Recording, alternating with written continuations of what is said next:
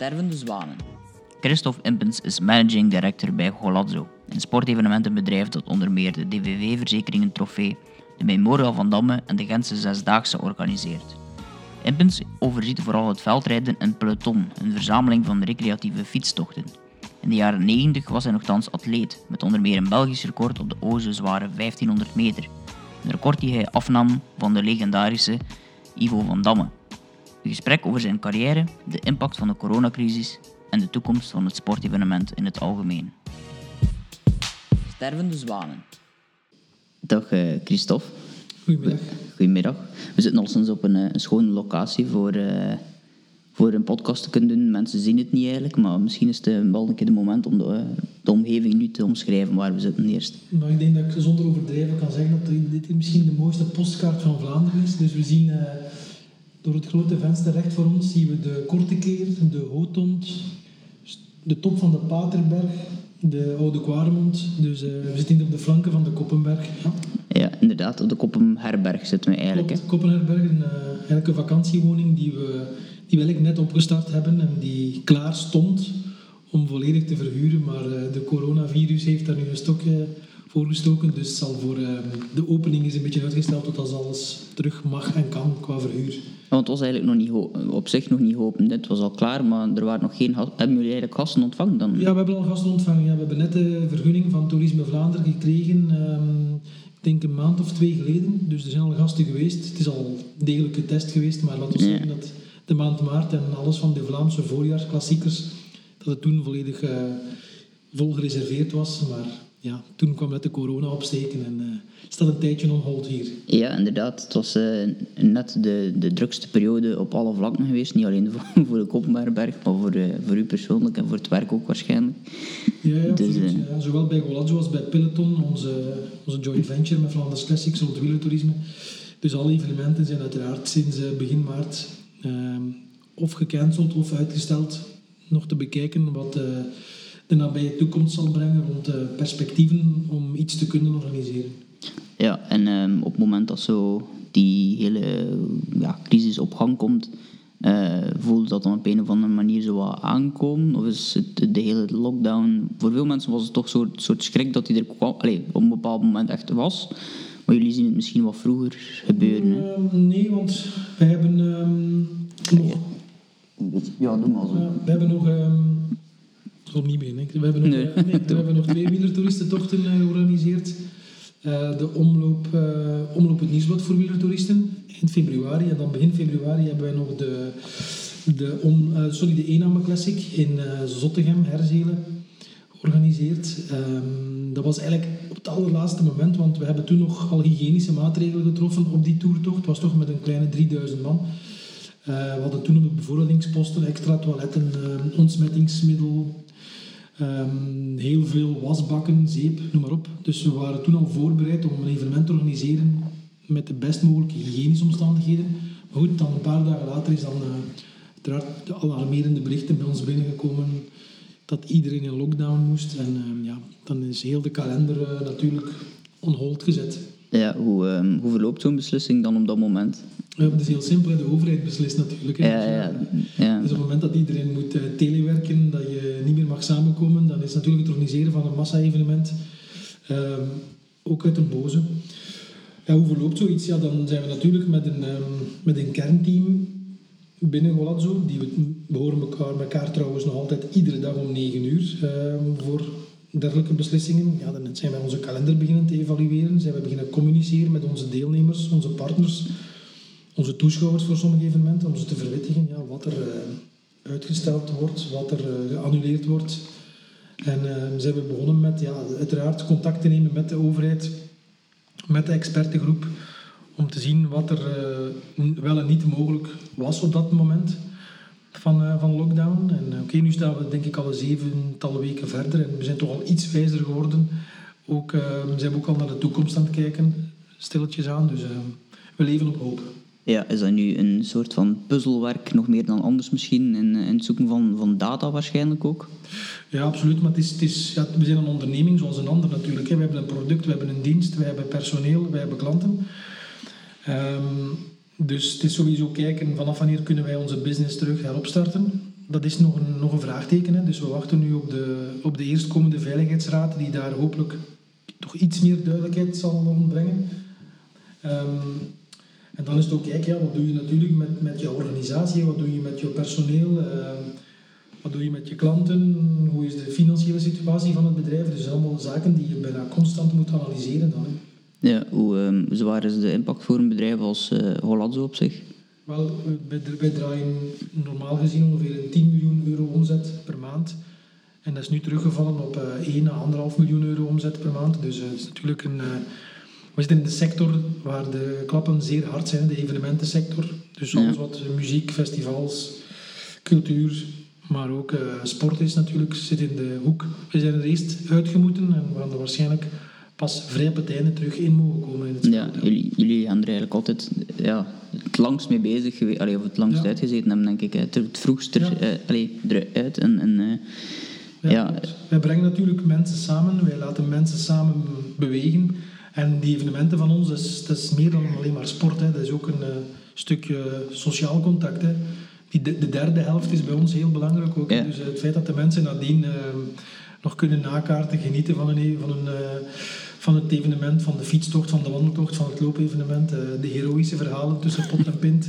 Uh, dat, dat, missen de mensen ook natuurlijk. En dat is ook een wezenlijk onderdeel van, van het totaalpakket en van de totaalbeleving van onze evenementen. Ja, ja dus uh, minstens even belangrijk, denk ik, voor heel veel van die deelnemers. Hè, die, uh, tuurlijk, tuurlijk, tuurlijk. Ja, het zijn ja. allemaal topsporters en gelukkig maar die aan onze evenementen meedoen. de meeste zijn echt wel uh, hyper Gelukkig maar, onthoud daarin. Ja, want onze missie van het bedrijf is ook zoveel mogelijk mensen laten bewegen. En wij zeggen bewust niet sporten, we zeggen bewegen. Dus het is heel laagdrempelig. En inderdaad, die, dat sociaal contact en die een après is, is ook wel heel belangrijk voor, ja, voor de totaalbeleving. Ja, sowieso. En uh, voor jezelf uh, ja, is, is het een periode waarin dat je zelf, allee, als we het dan over als sociale hebben, ja, je zit waarschijnlijk ook veel meer thuis dan dat je anders thuis zit. Anders, ja, uh, tuurlijk, tuurlijk. Ja, bij ons is er momenteel niemand, behalve een paar, dagen per week, een paar uur per week de magazinier, ja. die um, het gebouw nog, het gebouw in het magazijn proper houdt. En een paar mensen die dichtbij wonen, waaronder onze CEO die nog af en toe wel naar het bedrijf gaat, maar er is geen, geen, geen enkele activiteit uh, binnen Golanzo momenteel, of binnen Energy Lab, alhoewel het Energy Lab, um, dus waar ook mensen uh, fysiek getest worden, zowel op het gebied van fysiek, maar ook op het gebied van uh, voedingsanalyses, op het gebied van rugschool, op het gebied van het mentale, die gaan nu stilaan weer, weer opstarten. Ja, Voorzichtig ja. met de nodige maatregelen. Dus dat is al een lichte vorm van activiteit. Ja, en, en voor de mensen die Holazzo misschien niet zouden kennen, we zitten nu een aantal dingen te vertellen natuurlijk over Holazzo. Ik ken het huis natuurlijk ook redelijk goed. Uh, maar Holazzo doet een aantal zaken. Uh, misschien even kort uitleggen. Uh... Ja, de, de, drie grote pijlers binnen Holazzo zijn enerzijds ja, de sportevenementen. Ja. Um, maar daar zeg ik dadelijk nog iets meer over. Dan heb je alles wat uh, well-being is, het welzijn van de mens. Zowel de individuele mensen als als het bedrijfsleven, dus de corporate well-being, waar we bedrijven proberen fitter te maken. Dat is vooral met Energy Lab. En dan hebben we nog een poot die bezig is met activatie en met uh, digitale marketing. Dat is vooral Sportizon en Hincha. Um, maar dan binnen de evenementen heb je natuurlijk nog veel uh, sub-onderdelen. Um, evenementen, sowieso, wij splitsen die op in twee categorieën. Enerzijds recreatieve evenementen, zoals de Ronde van Vlaanderen voor wielertoeristen, de Antwerp 10 Miles, loop, fiets, wandelevenementen vooral. En anderzijds uh, topsportevenementen, dus uh, evenementen die ook live op televisie worden uitgezonden. Evenementen waar ook vaak VIP, hospitality concepten aan gebonden zijn. Dus dat is de hoofdactiviteit waar ik voornamelijk mee bezig ben. De ja. sportevenementen. Ja, inderdaad. En uh, ja, hoe komt een, uh, een, een, atleet, als ik het dan uh, zo mag... Ja, ik, moet het zo noemen. Ik, mag, ik mag het niet zo noemen, ik moet het eigenlijk zo noemen. Hoe komt een atleet eigenlijk terecht in het, in het pelotonverhaal? Omdat, ja, van atletiek eigenlijk naar... naar eigenlijk vooral uw bezigheid nu op dit moment is vooral wielerwedstrijden, denk ik. Hè? En wielerevenementen op zich. Hè? Ja. Zie ik dat nu een beetje te... Ja, ja, een cyclocross nu. Ik heb ook wel ja. een algemene verantwoordelijkheid binnen ja, zo, maar laten we ja. zeggen, dan specialisatie is nu bizar genoeg inderdaad misschien niet atletiek, maar vooral, uh, vooral uh, alles wat met fietsen te maken heeft, cyclocross ook. Ja, dus gewoon organisch gegroeid. Uh, ik heb er niet echt een verklaring voor. Dat is iets dat, we, dat wij een paar jaren geleden in handen hebben genomen. En van het een komt het andere. Je begint met één cross en plots heb je er, uh, heb je er twintig. Je begint met twee toertochten en plots heb je er 35. Dus uh, daar is niet echt een verklaring voor. Maar eh, ik vind het ook niet erg. Eh, je moet niet noodzakelijk doen wat, je vroeger eh, als hobby of als semi-professionele atleet deed. Daar is niet echt een verband tussen. Ja, ja. Um, je zegt zelf semi-professioneel. Ben je was toch wel professioneel, toch? Nee, nee. Ik, mijn atletiekcarrière is, ah, okay. laten we zeggen, tussen 1988 en 1998, sorry, tussen 88 en 98. Maar ik ben um, altijd semi-prof geweest. Ah, dus ik stond uh, part-time op de loonlijst van het uh, toenmalige Blozo, ah, BOIC. Maar ik ben altijd blijven, uh, blijven werken. Ik had te veel schrik om mijn, om mijn diploma eigenlijk nadien niet te kunnen verzilveren. En ik ben altijd blijven werken, weliswaar ja. op projectbasis. Dus ik kon mijn tijd zeer goed indelen destijds. Ja, ik ben een goede werkgever. Ja, en het heeft op zich wel geloond, denk ik. Hè, want ze vroeg moeten stoppen. Uh, door, een, door een blessure aan de enkel zeker? Ja, ik ben drie keer geopereerd aan, ja. uh, aan mijn enkelgewricht. Ja, dus eigenlijk was dat een, een, een bewuste keuze die, uh, ja, zeg maar, ja, geloond heeft. Hè? Want ja, ja, anders hadden misschien gezegd van ik ga er alles op zetten en dan op je 27 moeten stoppen zonder... Ja. Ja, Ik ben letterlijk van de ene dag op de andere moeten stoppen door een mislukte operatie en door een ziekenhuisinfectie, ziekenhuisbacterie. Dus een, um, ja, toen was ik natuurlijk heel blij dat ik toen gekozen heb om toch altijd te blijven te blijven werken. En uh, ik kon van de ene dag op de andere ook voor 100% fulltime beginnen werken. Ja, dus het, uh, het fameuze zwarte gat, dat is... Uh... Nee, nee ik, heb geen, ik heb zelfs geen klein, ik heb zelfs geen, ik heb zelfs geen wit gat gezien, ik heb niks gezien. hebt niets van gaten gezien. Nee, ik ben direct van, van de operatietafel ehm, naar de diagnose van dit komt niet meer goed, onmiddellijk gewoon beginnen werken. Ja, en, en is dat, dus, dus inderdaad, like dat zegt, geen soort geld, maar ik kan me wel voorstellen dat op dat moment toch wel een soort van, ja, moeilijk moment is? of, of? Nee, dat, dat, dat viel mee. Je moet realistisch zijn. Hè. Je weet dat je een zware enkelblessure hebt. Um, initieel wordt het verkocht als een heel kleine, banale kijkoperatie. Je wordt wakker met een, met een heel groot uh, rits plots in je enkel. Daar hebben ze van alles ontdekt, van kraakbeen dat zwaar beschadigd is. Ja, je weet, een enkel, dat is sowieso een gewricht dat enorm veel moet trotseren. Zeker, zeker als atleet. Zeker als loper. Hè. Dus je, hoeft daar enorm veel uh, G-krachten op uit. En um, ja, ik had eigenlijk mijn, mijn bescheiden doelen bereikt. Ik wou Olympische Spelen meedoen. Ik wou ooit een keer een medaille halen. Dat is niet zo bescheiden. Groot, ja, maar toch, je kunt, ook, je kunt de Olympische Spelen willen meedoen, maar je kunt ook uh, Olympisch ja, kampioen willen worden. Ja, die, ambitie had ik niet.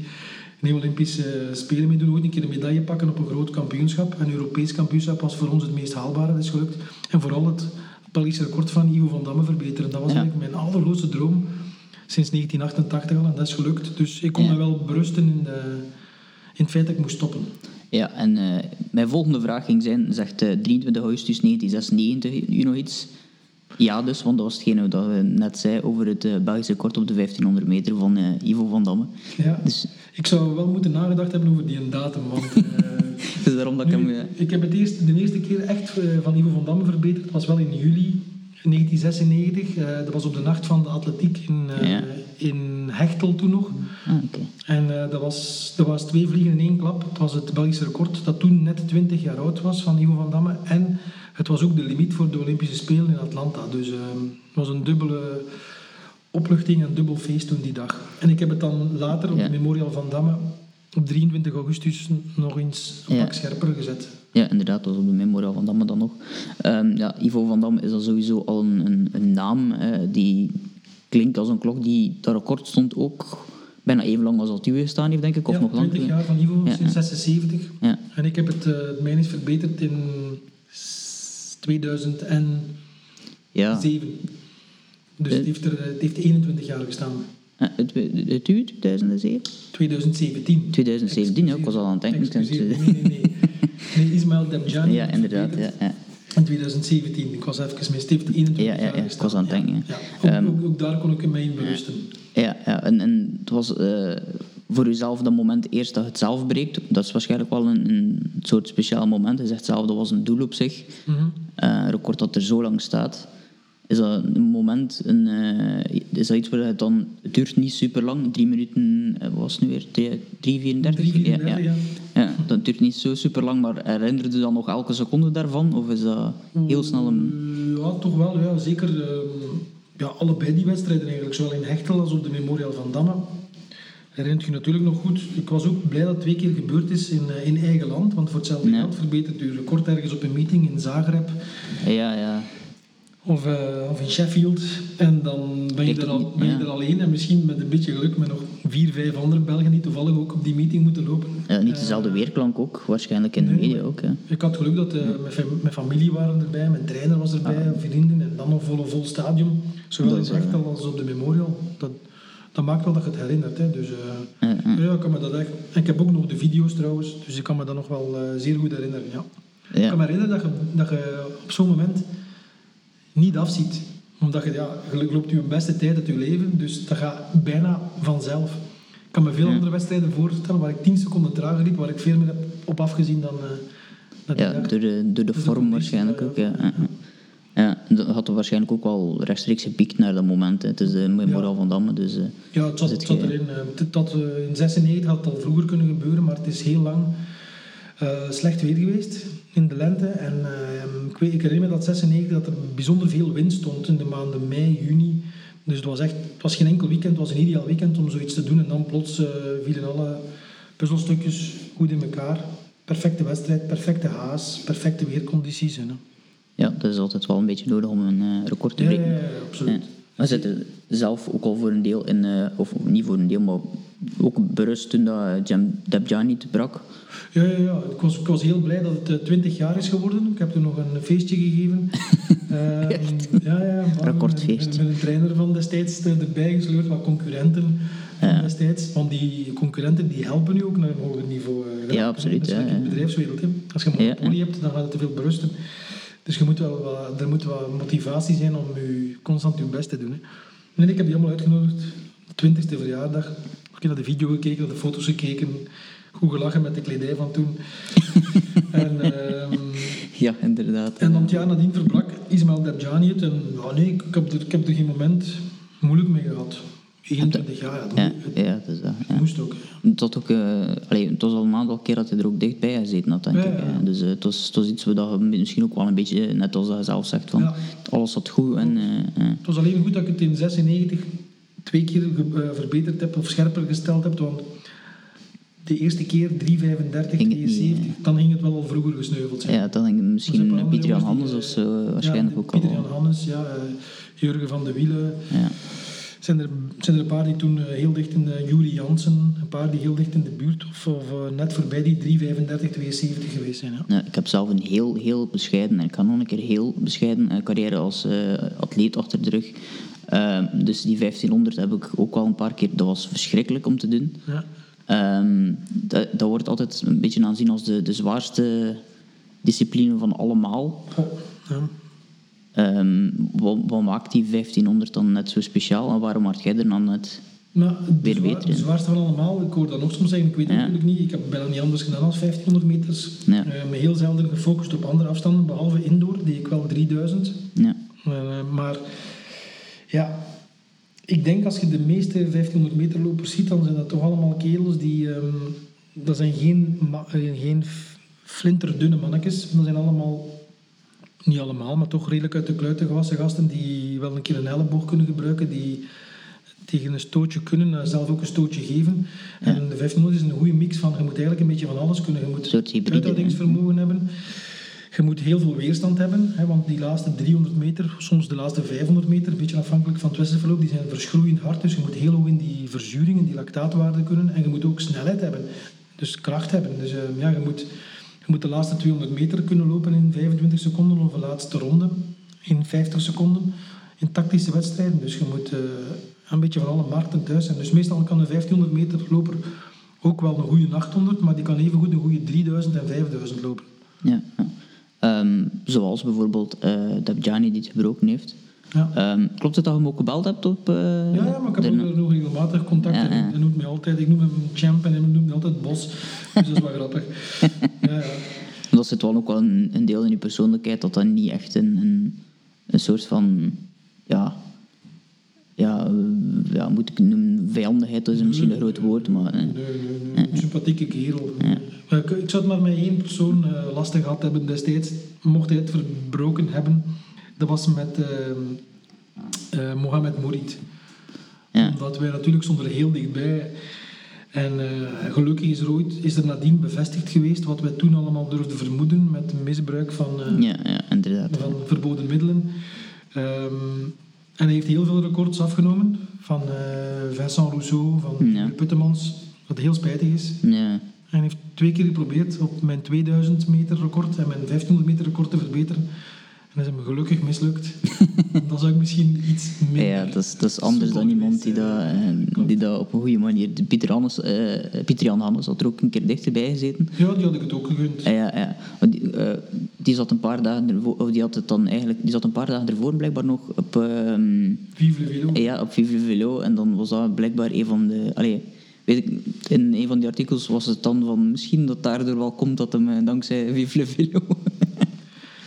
dat is altijd makkelijk Ja, nee, gezegd Pieter natuurlijk, maar was volgens, is volgens mij een veel groter talent dan dat ik ooit was. Maar ik denk Ja. dat het... ehm, goed, ik denk dat er misschien ook soms op mentaal vlak, want dat telt ook natuurlijk. Het is niet Ja. alleen maar ehm, uw, uw fysieke capaciteit, maar ook uw mentale capaciteit. En ehm, ik denk als je een beetje gebukt staat onder de stress van zo'n record te moeten lopen, ja, moet er tegen kunnen. Ik kikte dat, maar ja, andere, andere flippen ja, erop. hè. Dus, flippen erop, hè. Ja, inderdaad. Hè.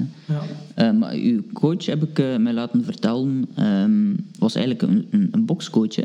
Jeff van Driessen. Ja, Jeff van Driessen is eh, vooral gekend onder de iets oudere sportliefhebbers als box, Ik heb hem zelf moeten googlen, dus... eh, boxcoach en box-co-commentator. Ja, ja, nu bij de laatste match van Freddy de Kerpel was hij nog co-commentator, denk ik, op, eh, op AVS, of ik weet niet wie het live uitgezonden heeft, Ja. vanuit, de, vanuit de een of andere Gentse bokszaal. Maar Jeff is de- dus een expert boksen, maar Jeff van Dries uit Zelen, die is eigenlijk eh, begonnen als teamkamper in de atletiek. Dus hij heeft Ah, wel, wel degelijk atletiek roots. ja, oké.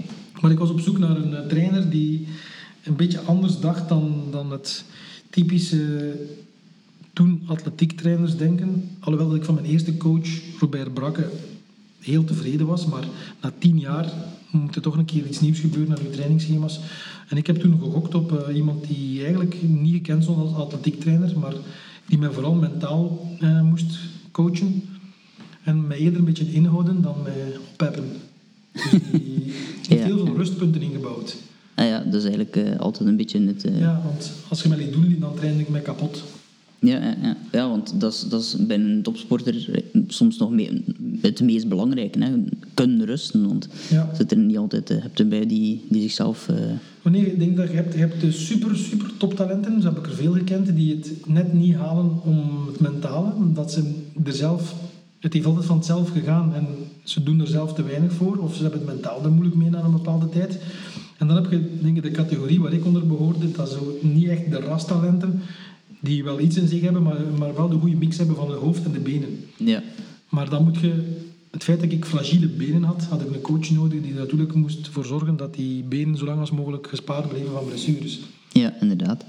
Ehm, nu, eh, het, het hele ehm, verhaal natuurlijk als, als eh, sporter, als topsporter, ehm, hoe brengt je dat mee in uw verhaal nu zijnde als eh, managing director bij Holazzo? Goh, ik denk dat dat voor een stukje persoonlijkheid vooral eh, vormt. Hè. Dus ehm, ja, er altijd blijven voor gaan, eh, hoe moeilijk het ook is. En nu staan we voor een heel moeilijke periode. Dan eh, de kop niet laten hangen, anderen motiveren. Ehm, ja, bij wijze van spreken zelf tussen aanhalingstekens, want niemand is, is, is natuurlijk daarvan beschermd, maar ik kan zeggen een beetje onvermoeibaar zijn, hè, altijd doorgaan. Ehm, dus uw doel is het enige wat dat telt en wat je er moet voor doen, dat doet je ervoor. En dat, neemt, je- dat brengt je wel mee als topsporter. En natuurlijk ook heel het- netwerk, alle sociale contacten die je hebt opgebouwd tijdens het sporten, die zijn natuurlijk ook heel belangrijk in, eh, in, in wat ik nu doe.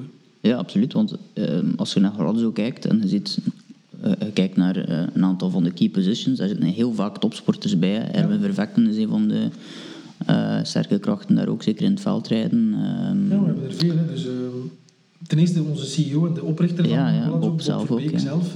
Is Europees kampioen geweest, 3000 meter in 1985. Heeft de. Olympische Spelen meegedaan van Los Angeles op de 5000 meter. Was ook een zeer verdienstelijk 1500 meter loper. Ook dicht in de buurt geweest trouwens van het Ivo van Damme record. Dan ja, Erwin Vervekken, een drievoudig wereldkampioen cyclocross. Sven Nijs werkt eigenlijk ook een stukje Ja, ja. onrechtstreeks voor Golazzo. Ja, eh, maar dan als teammanager van het Telenet eh Balwaze team. Ehm Evi van Akker werkt voor Energy Lab. Eh, Cedric van Brantegem Ja, werkt eh, voor de Cell Atletiek en de Cell Consulting. Dus Cedric is de meeting director van de Memorial van Damme. Ja, Dus een vroegere concurrent van mij, Mark Korstjens, die staat aan de leiding van onze cel die eh, atleten begeleidt. Dus we hebben wel een heel pak eh ja, inderdaad. topsporters. Ja. Ja, want eh, Kim Kleisters heeft op zich ook nog met de, de academie, heeft Ja, ook, de, is ja, ook de Kim Kleisters, eh, ja, tennisacademie, die ze samen met eh, Bob Verbeek doet. Dus er zijn wel heel veel links, die Hellebout, die af en toe ook voor ons werkt. Dus er zijn- heel veel links met, met ex-topsporters. Ja. Absolute Ja, topsporters. ik heb drie, maanden, ja, drie maanden stage gedaan in Paal, dus waar dat het, de, het hoofdkwartier zeg maar is. Eh, toen op kot gezeten, zelfs in geel daarvoor voor die stage. En toen kwam ik in de keuken daar, eh, daarboven, waarin dat er altijd gezond eten is trouwens ook. Ja, klopt. Toen kwam ik daar ook, ook ehm Tia Hallebout tegen plots. kwam ik eh, Kim Kleisters ook plots tegen. En ook, ja, ik als jong ventje, hè? dat is zo Ja. heel intimiderend. als plots ook zo Sven Nijs naast je bureau eh, komt staan. Dat was op dat moment... nu ken ik die man ondertussen al een beetje meer natuurlijk. Ja. Maar toen... ja, dan zie je wel ook eh, in, het gebouw zelf ook, hè, eh, er hangen nog heel veel oude... Ja, reliquieën, ja. Ja, de, de eh, Philips Gilbert zijn fiets, dacht ik, hangt daar ook nog We ergens. hebben de allereerste gele trui, roze trui en wereldkampioenentrui eh, van Eddy Merckx. We hebben de originele spikes van Gaston Roelands. We hebben heel veel reliquieën van Ivo van Damme. Ja, Die heeft zijn broer Dirk allemaal in bewaring gegeven bij Bob. Je hebt redelijk veel gouden medailles van Sven Nijs, Tia Hellebout, eh Erwin Vervekken, Kim Kleisters. Haar tenue van een van haar eh, Grand Slams die ze gewonnen heeft, hangt daar. eh. maar ook van buitenlandse toppers die we begeleid hebben. Dus ehm, ja, dat, Dus het het is een klein, een- klein museum. Ja. Ja, inderdaad. is wel vertoeven daar. Ja. Ja, inderdaad, als je daar in het bureau zit, dat er zo'n tenue hangt, achter je hangt. Ehm, nu ja, de, de vraag is een beetje al, of, daarnet eigenlijk al een beetje aan bod gekomen natuurlijk met het eh, hele corona-verhaal, maar er is wel wat met die kalenders hè, de laatste we- weken en maanden eh, bij jullie. Ehm die kalender vooral, de wereldbekerkalender eh, op zich, is een, een verhaal die nu nog altijd niet afgelopen, denk ik, is, die nu een beetje weer, weer op losse schroeven staan misschien.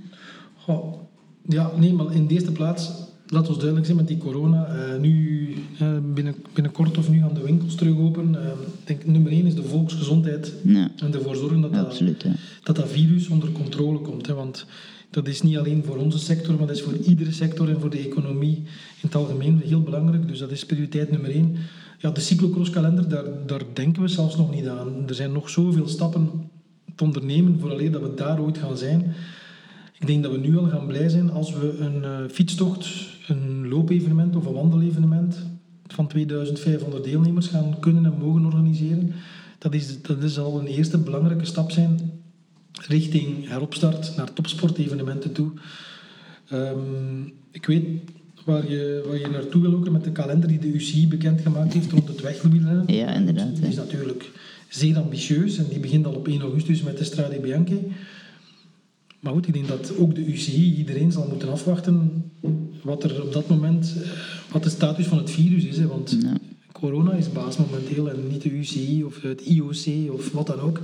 Corona is baas, dus we gaan daar moeten eh, op wachten. Maar goed, neem nu. Laat ons positief denken en dat het onder controle is. Dat er na de zomer terug grote evenementen mogen. ehm, zowel voetbal, atletiek, wielrennen, noem maar op. Ja, dan zullen wij natuurlijk klaar zijn voor een heropstart onder gelijk welke voorwaarden en maatregelen er ook zullen gelden dan. Maar om nu al te beginnen nadenken van welke cross zal waar plaatsvinden of gaat de kalender van de cross geïmpacteerd worden, wat met die wereldbeker, daar is het echt nog veel te vroeg voor. Kan ik, kan ik niks zinnigs op, op antwoorden. Ja, want er is natuurlijk wel heel veel commotie natuurlijk geweest vorig seizoen daar rond. En eigenlijk door het corona-verhaal is het misschien een beetje... Oh nee, nee, dus niet de wereldbekerkalender, die is eigenlijk ehm, die is afgeklopt. Hè? Dus Ja, ja, is maar volledig ja, rond. Ja. daar rond natuurlijk. eh, Ja. ja. En ehm, daar zijn de helft zijn Belgische manches. Wij hebben er eh, drie die wij in principe zouden organiseren. Maar goed, wij wachten nu ook af van eh, wat gaat de UCI doen met de wereldbekerkalender, die normaal gezien moet beginnen op 4 oktober in Amerika. Ja. die dan vervolgens naar Dublin trekt. Dus we weten ook niet uh, wat daar de positie van is. Ik denk dat de UCI nu vooral het wegwielrennen in handen Ja, neemt. En ook te Dat ligt ook voor hen het grootste. Bijvoorbeeld het wereldkampioenschap dat geprogrammeerd staat in Zwitserland. Wat gaat daarmee gebeuren? Hoe, te bekijken wat de, Zwe- de Zwitserse overheid uh, beslist rond massa-evenementen. Maar dat is eind september. Dus ik denk dat de UCI daar voorlopige oplossingen probeert voor te vinden. En zorgen dat de wegwielrenners toch nog aan bod kunnen komen dit seizoen. Hè. Ja, het is een dubbele kalender hè, die een beetje dit, ja, met veldrijden, veldrijden en... eh, Ja. Maar goed, dat is in het verleden, in het begin van het seizoen was er altijd overlapping hoor. We hebben nog vaak ehm cyclocross in Neerpelt georganiseerd, de dag van het wereldkampioenschap wielrennen op de weg. Als je wat speelt met die uren, dan, dan is dat in principe haalbaar. Maar goed, ehm, kijk, je leest ook de kranten. Ik lees nu dat er een plan ligt eh, om een wereldkampioenschap, als het niet in Zwitserland kan doorgaan, om het te verhuizen naar het Midden-Oosten, dat dan Parijs-Roubaix dan toch nog een maand zou vroeger vallen, en zo verder en zo verder. Dus ik denk, er doen Die, eh, zoveel ja. verschillende scenario's eronder dat het nu niet echt zinvol is om, om daar echt bij stil te staan. Ja, want ik denk als we dit nu opnemen en we zouden binnen twee weken pas uitzenden of, of eh, releasen, dat we alweer een, een andere discussie zouden moeten voeren, denk ik. Want Ja. het, gaat, het gaat zodanig veel eh, Ik denk dat veranderen. om de twee dagen een update kan geven over de veranderingen. Maar dat is ook logisch, hè. Het is iets wat nog nooit gebeurd is. eh, sinds Wereldoorlog 2 is er op globaal vlak nooit iets dergelijks gebeurd, een crisis. Dus ja, iedereen zit natuurlijk met constant veranderende modellen en veranderende situaties. Maar het is vooral de beslissing, uiteraard één, het virus en dan de beslissingen van de overheden van wat binnen hun grenzen mag en niet mag. Daar zal alles mee vallen of staan. Ja, inderdaad. Ehm, ik ben hier vorige week al geweest, maar toen ging het niet door, omdat het toen eh, druk, net druk was. Ehm waarvoor geen probleem of zo. Hè. Maar ehm, toen eh, heb je wel een deel verteld over eh, het feit dat jullie met een aantal concurrenten eigenlijk een zeven categorieën hebben Ja. Identificeerd. Leg misschien eens uit hoe dat, dat juist in elkaar zit. Nee, we hebben ehm, binnen onze sector, dat, Ja. dat wij het belangrijk vonden dat, dat, dat de sportsector, de sportevenementensector, toch een, ook een, eh, een advies gaf aan de overheid vanuit de, het hart van de sector zelf. Zijn wij beginnen te schrijven een heropstartdocument rond sportevenementen, waarbij we zeven verschillende types sportevenementen geïdentificeerd hebben, gaande van een, ehm, een nationaal evenement met puur nationaal, zelfs regionaal publiek, zoals een, zoals een stadsjogging, Stadsloop Gent bijvoorbeeld, die geen internationale deelnemers lokt, die bijna voor 80% mensen die uit de onmiddellijke regio komen en waar je wel ehm, de nodige, waar geen contact, dat geen contactsport is en waar je in principe wel de nodige social distancing eh, maatregelen kan voornemen.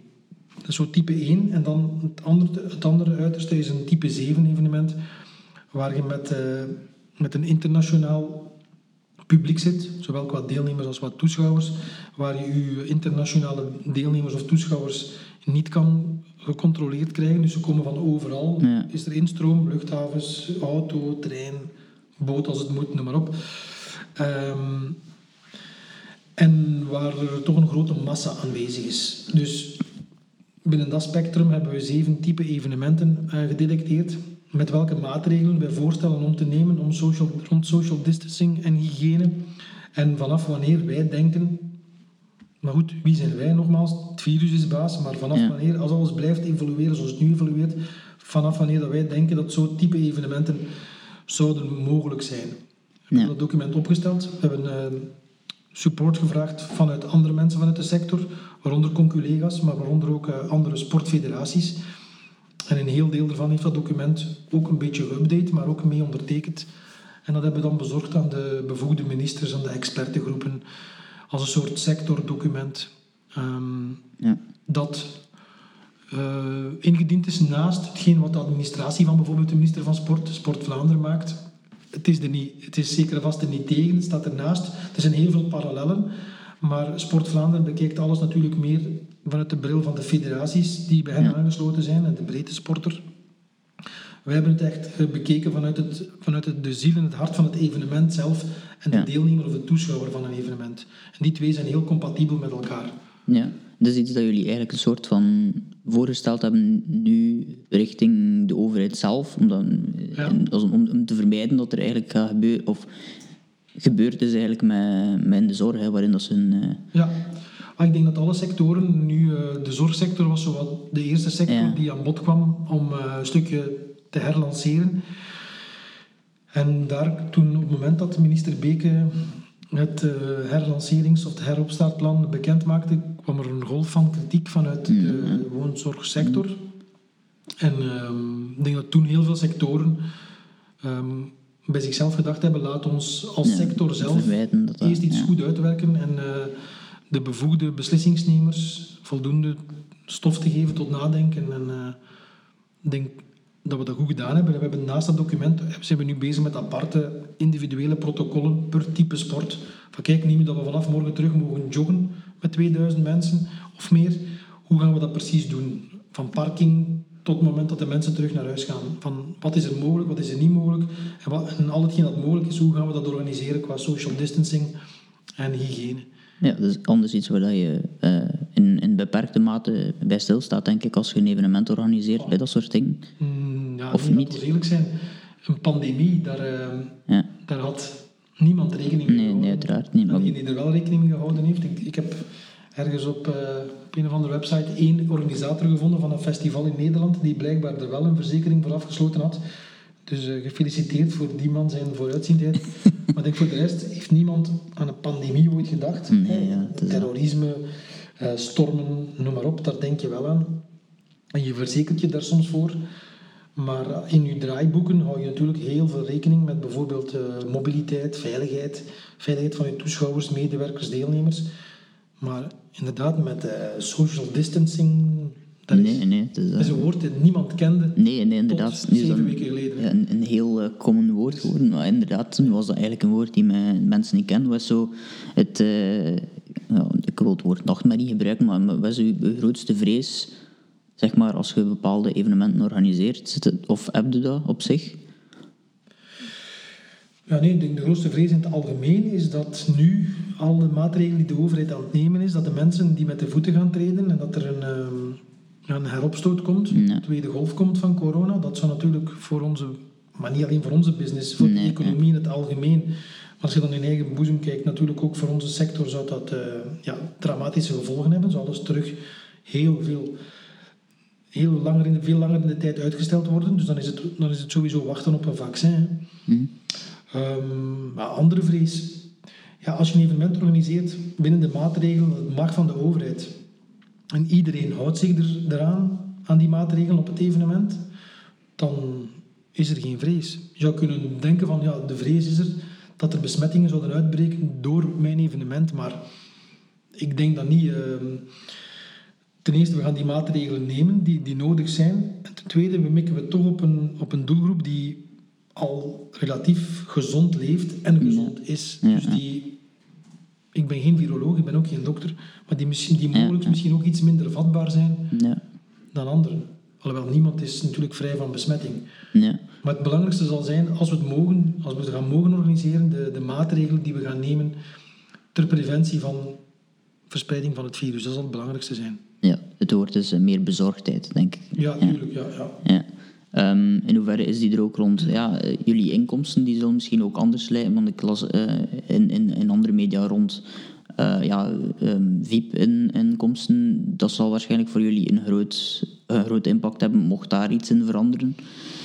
Ehm, Ja. Dat is altijd Maar- moeilijk om in te schatten, sowieso, denk ik. Maar Ja, sowieso. eh, Alle economische modellen en budgetten van evenementtype per evenementtype, die gaan moeten herbekeken worden op basis van, een, ik val een beetje in de herhaling, maar op basis van hetgeen wat op dat moment zal mogen van, vanuit de overheid. Hè. Dus als de overheid zegt van oké, je mag een VIP organiseren, want eigenlijk een VIP moet dat loszien van een sportevenement. Een VIP is eigenlijk horeca. Ja. ja, Dus, eigenlijk eh, wel. Ja. Het is een keuken, daar zijn opdieners, daar, zijn, daar is een kok, eh, daar is een vaatploeg, een afwasploeg. En er zitten tafels, er zijn stoelen, er zijn mensen die eten. Eh, dus dat is eigenlijk een restaurant. Ja. Dus op het moment, ik denk dat wij met alles wat VIP hospitality, zullen wij vermoedelijk vallen onder de regels van, van wat mag en kan binnen de horeca. Mhm. Ehm, met dat kleine voordeel is dat als je een restaurant hebt, heb je natuurlijk je vier muren, die kun je niet uitbreken en vergroten. Een tent, een VIP-tent, traditioneel vaak ingezet wordt op sportevenementen, ja, die kan je wel aanpassen. Die kan je Ja. vergroten, verkleinen, verbreden, versmallen, eh, verhogen. Dus daar kan je wel ehm, verschillende dingen mee doen. Dat is, dat is dan, laten we zeggen, binnen al de nadelen het voordeel. Ja, ja. Maar eh, ook daar is nog koffiedik kijken wat gaan mogen en niet gaan mogen. Hè. Dus we mogen nu net met vier mensen eh, bij ons binnen. Dus, dus laat ons eh, niet vooruitlopen op de feiten en al met VIP's met duizend mensen beginnen te organiseren. Nee, ma- maar ik kan me wel voorstellen dat daar op dit moment wel aan gedacht wordt hoe dat kan or- or- georganiseerd worden, aangezien dat ik net zegt van er zijn wel een aantal dingen die kunnen veranderd worden. Dat lijkt, allee, ik, ik leid daaruit af dat je wel Ja. op een of andere manier daar al wel aan denkt. Ja, uiteraard denken we er al aan. Maar ik denk toch de prioriteit bij ons is eerst en vooral al terug kunnen herbeginnen met, met recreatieve sportevenementen. Want dat in open lucht, ehm, dat zal een eerste belangrijke stap zijn voor, voor ons, maar ook voor de, voor de mensen die graag bewegen, Ja. graag Het sporten. zal ook een soort van indicator zijn, denk ik, naar, ja, naar veiligheid en naar mogelijkheden toe. En dan ook denk ik, het, het heropenen van, als je dan toch over VIP hebt, maar goed, dat staat een klein, een klein beetje los van de sport. Het heropenen van restaurants en cafés zal eh, daar ook een belangrijke stap zijn, hoe dat, dat verloopt. Hè. Ja, het kan misschien ook wel een, eh, een voordeel zijn voor eh, de Koppenmaarberg. Hè. Van, qua, als het allemaal weer open gaat, maar we moeten allemaal qua reis in België blijven, kan, Ja. kunnen jullie hier op dat vlak een, een hele goede opening of begin van een goede opening.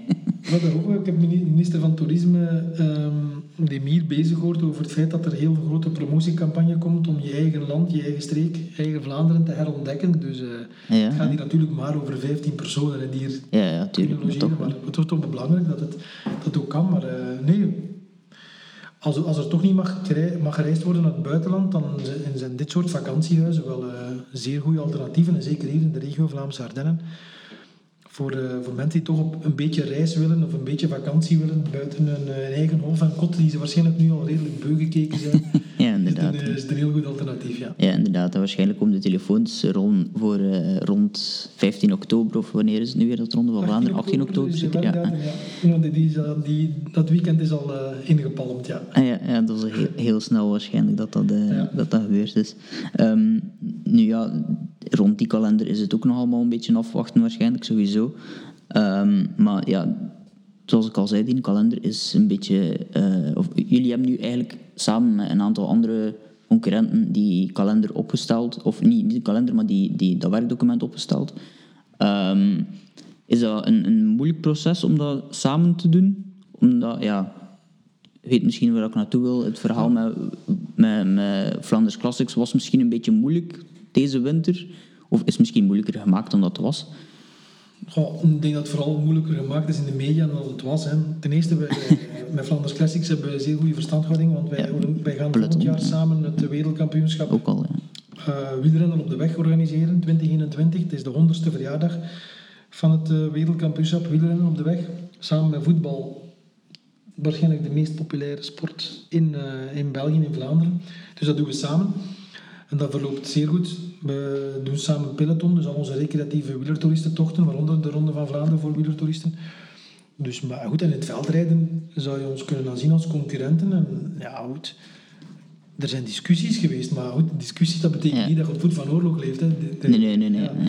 er zijn maar nu bijvoorbeeld in, in, in coronatijden, ik denk dat het ook opvalt op alle, op alle vlakken. Hè. Eh, Heel veel wi- winkelketens, concurrenten die elkaar steunen, die dezelfde strategie uitrollen. Je ziet zelfs een soort, een soort pax politica. eh, van, eh, er wordt veel minder gekibbeld onder partijen momenteel. Dus Ja. ik denk dat nu iedereen wel beseft is niet, dat het niet het moment is om, eh, om in discussies te gaan, maar vooral om samen naar oplossingen te streven. En dat gebeurt eh, momenteel wel.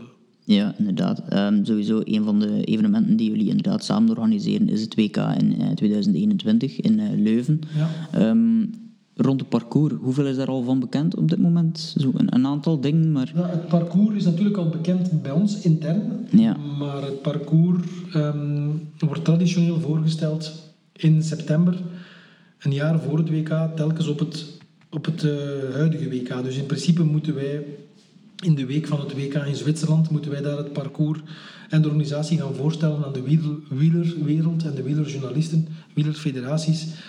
Moeten wij het daar gaan voorstellen. Dus ergens de derde week van september. En daarvoor kunnen we eigenlijk niets zeggen, behalve dat de tijdrit er gaan doorgaan tussen Knokke, Heist en Brugge. Dus van, eigenlijk van, van kust naar kunst fietsen we. En dat de wegritten doorgaan tussen Antwerpen, de start, en aankomst in Leuven. Ja, eigenlijk op de, de, de aankomst van de chef, uh, eh, Scheren staan? Nee, nee, nee, het is een andere aankomst. Het is een andere aankomst nee.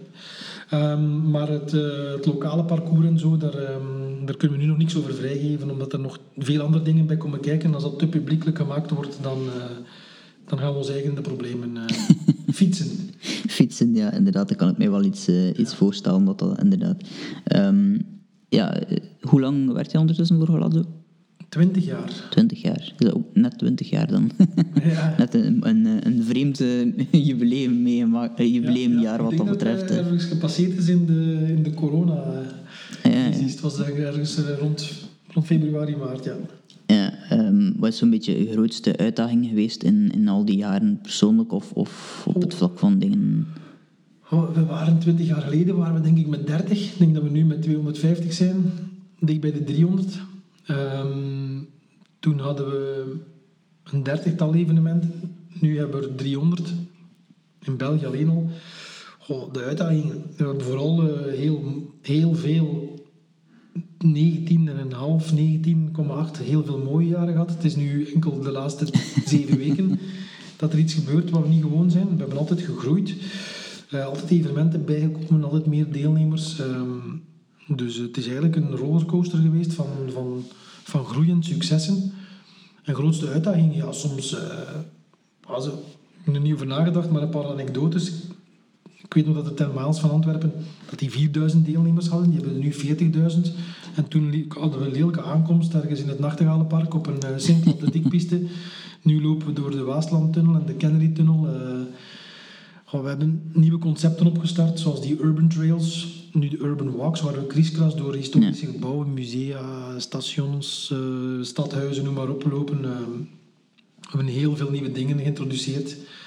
Um, ja, wielertoerisme bijvoorbeeld. We hadden twee fietstochten 20 jaar geleden en nu hebben we er 35.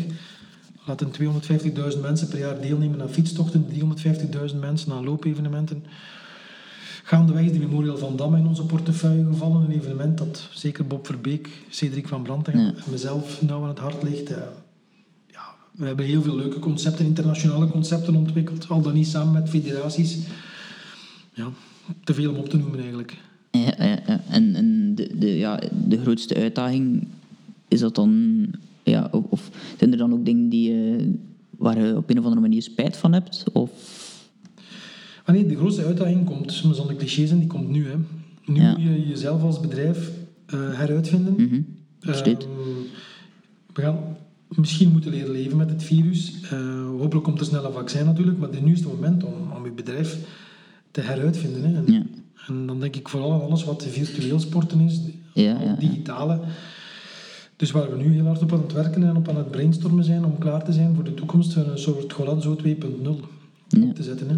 Dus ja. dat wordt de grootste uitdaging. Ja, want voor een sportevenementenbedrijf is het natuurlijk niet zomaar mogelijk om te zeggen van we doen vanaf nu een virtueel alternatief. Ja, je kunt dat wel één keer of, of voor een aantal dingen doen, maar... Nee, maar ik denk wel dat het... het uh, we hebben op vier dagen tijd hebben we ons Keep Moving platform opgesteld. dus, waar, uh, dus op Keep Moving kan je al die virtuele challenges doen. Um, bijvoorbeeld... Uh, de Greg van Avermaat Classic, die normaal gezien zou doorgaan op 17 mei, die komt een paar dagen ervoor komt die live als virtuele challenge. Je hebt een week tijd om een van de afstanden van de Greg van Avermaat Classic te fietsen. En als je dat lukt, dan uh, win je op het einde van de rit een virtuele medaille. Dat, dat slaat enorm aan nu. We zitten al aan rond de 40.000 uh, eh, geregistreerden die op dat platform zitten, die fietsen, lopen of wandelen. Um, dat heeft ons wel doen besluiten dat er in de toekomst altijd naast een reëel evenement ook altijd wel een virtuele variant zal, uh, zal bestaan. Dus uh, ja. dat je bij wijze van spreken de marathon van Rotterdam, die ook bij Golazzo is, bij Golazzo Nederland, dat je niet alleen in Rotterdam kan lopen, maar dat je die overal ter wereld kan lopen virtueel dan. Dus daar zijn we wel mee bezig om, om, om, het virtuele en het reële al, altijd te versmelten. Ja, inderdaad. Naar de toekomst toe is dat iets dat, waar dan niet zo heel veel aan gedacht werd misschien. Mm -hmm. uh, maar dan nu... Uh... Veel aan gedacht, maar we hebben er Ja. echt tijd voor genomen. En nu, heb je er nu op misschien vier, op vier dagen tijd was het er plots, ja. Ja, ja inderdaad. Ehm, in hoeverre zijn sporters nu eh, bij u aan het eh, informeren, of bij Golazzo misschien in het algemeen aan het informeren over, wat weten jullie, eh, horen jullie sporters nu eh, een soort van druk, niet dat ze druk uitoefenen, maar misschien wel de soort van interesse of... Ja, topsporters niet zo heel vaak. We horen af en toe wel een keer eh degene die we toch veel contact mee hebben van ehm, hoe ziet het eruit. Maar we vragen dat ook aan hen soms. Maar vooral de recreatieve sporters hè, die, eh, die veel vragen hebben rond hun favoriet evenement. Die, die hebben ook heel graag een doel om naartoe te leven. Dus we krijgen heel veel vragen. Hè. Gaat de Ronde van Vlaanderen voor weer toeristen door? Zal de Antwerp 10 Miles doorgaan? Zal de marathon van de Great Bruges Marathon in Brugge doorgaan? Ja. Dus we krijgen heel veel vragen van recreanten dagelijks die, ehm, die natuurlijk vragen hebben over een evenement. Of soms ook met suggesties komen. Maar goed, we moeten helaas altijd antwoorden van... We zijn volledig afhankelijk van eh, het verloop van het virus en van de beslissingen van de, van de Veiligheidsraad. Hè. Ja, iets wat je eigenlijk anders no allee, nooit zijt eigenlijk als bedrijf. Hè. Zo, toch bijna nooit, hè. afhankelijk zijt van, van, een, van een andere factor. Ja, dus, we, zijn, eh, we zijn natuurlijk altijd ja, afhankelijk ja. van goedkeuringen van de overheid, maar dan meer op het gebied van eh, parcours, aankomst, eh, dat soort praktische zaken eerder. Hè, dan, dan, ja, niet, dan, effectief niet doorgaan is natuurlijk iets. dan, niet doorgaan om medische redenen voor de volksgezondheid. Dat is natuurlijk iets dat eh, iedereen onbekend is. Ja, we waren net aan het vertellen, eh, de Olympische Spelen, dat dat een, eh, een droom was om deel te nemen. Maar er is iemand in de familie die erin geslaagd is om niet alleen deel te nemen. Hoe is, de, hoe is de relatie juist met Greg van Avermaat? Mijn twee zonen zijn, zijn rechtstreeks een neef.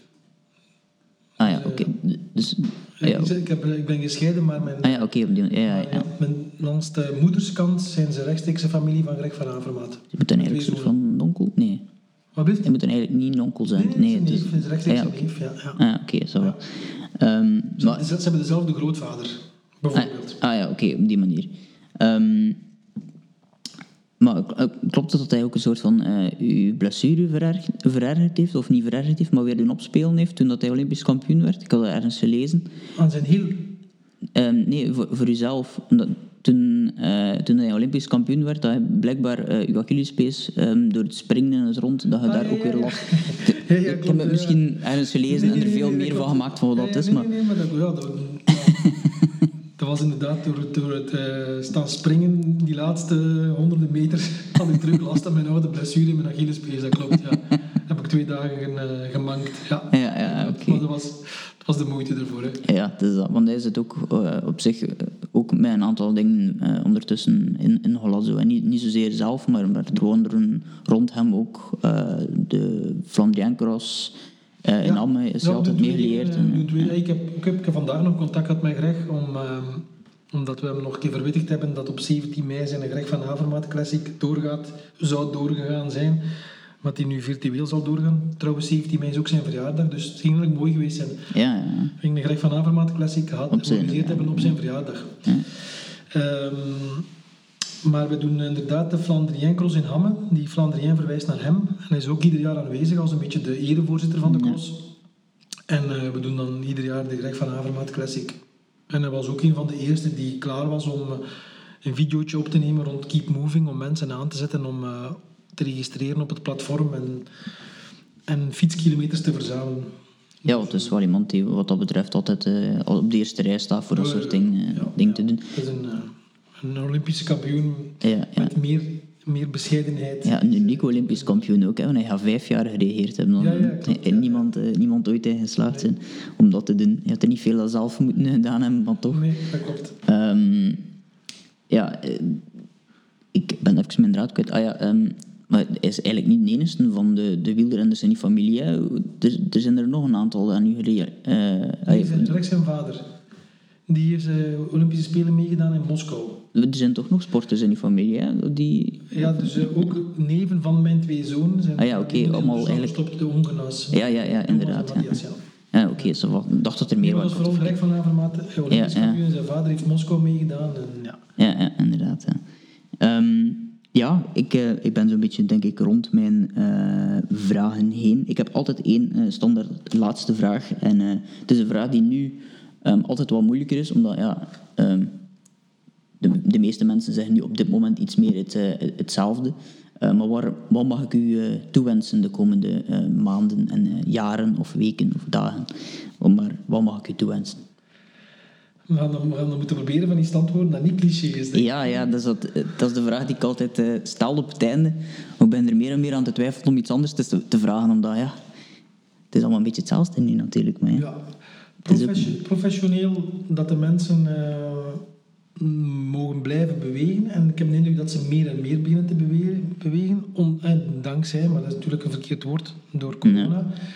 Eh, en dat we die binnenkort allemaal terug mogen zien op onze evenementen. Dus, eh, want er ik denk dat er heel veel nieuwe sporters, de coronasporters, bijgekomen zijn. En ik hoop dat die coronasporters allemaal, Coronasport. allemaal, dat die allemaal blijven sporten. Nog een woord erbij. hè. En dat we die in augustus, september, oktober en vanaf dan dat we die heel vaak mogen verwelkomen op echte evenementen. Ehm, ik hoop dat het toerisme vanaf 1 juli mag en dat er heel veel mensen de weg vinden naar de Vlaamse Ardennen. Eh, Ja. dus het zou mooi zijn mocht het hier ook eh, altijd gezellig druk zijn hier op de Koppenherberg. ja, inderdaad. Hè. En dan natuurlijk, ja, voor de rest is het een, een cliché, maar het belangrijk is dat iedereen gezond mag blijven en dat dat virus eh, heel snel verdwijnt. Hè. Ja. Dat is een, inderdaad een antwoord die... Ah ja, dat lijkt mij ook wel Ja. het allerbelangrijkste ja, inderdaad. momenteel in deze wereld. Hè. Ja. Het is dat. Eh, mag ik u bedanken om eh, op de podcast te komen. Graag gedaan. Dus eh, de tiende aflevering ook. Dus van deze keer een soort van klein, eh klein jubileumpje. Jubileumeditie, ja. Eh, dus, gefeliciteerd. ja, bedankt. Hopelijk mogen er meer dan tien afleveringen vandaan komen. Maar inderdaad. oké. Merci, is. Dag. hè. Stervende zwanen.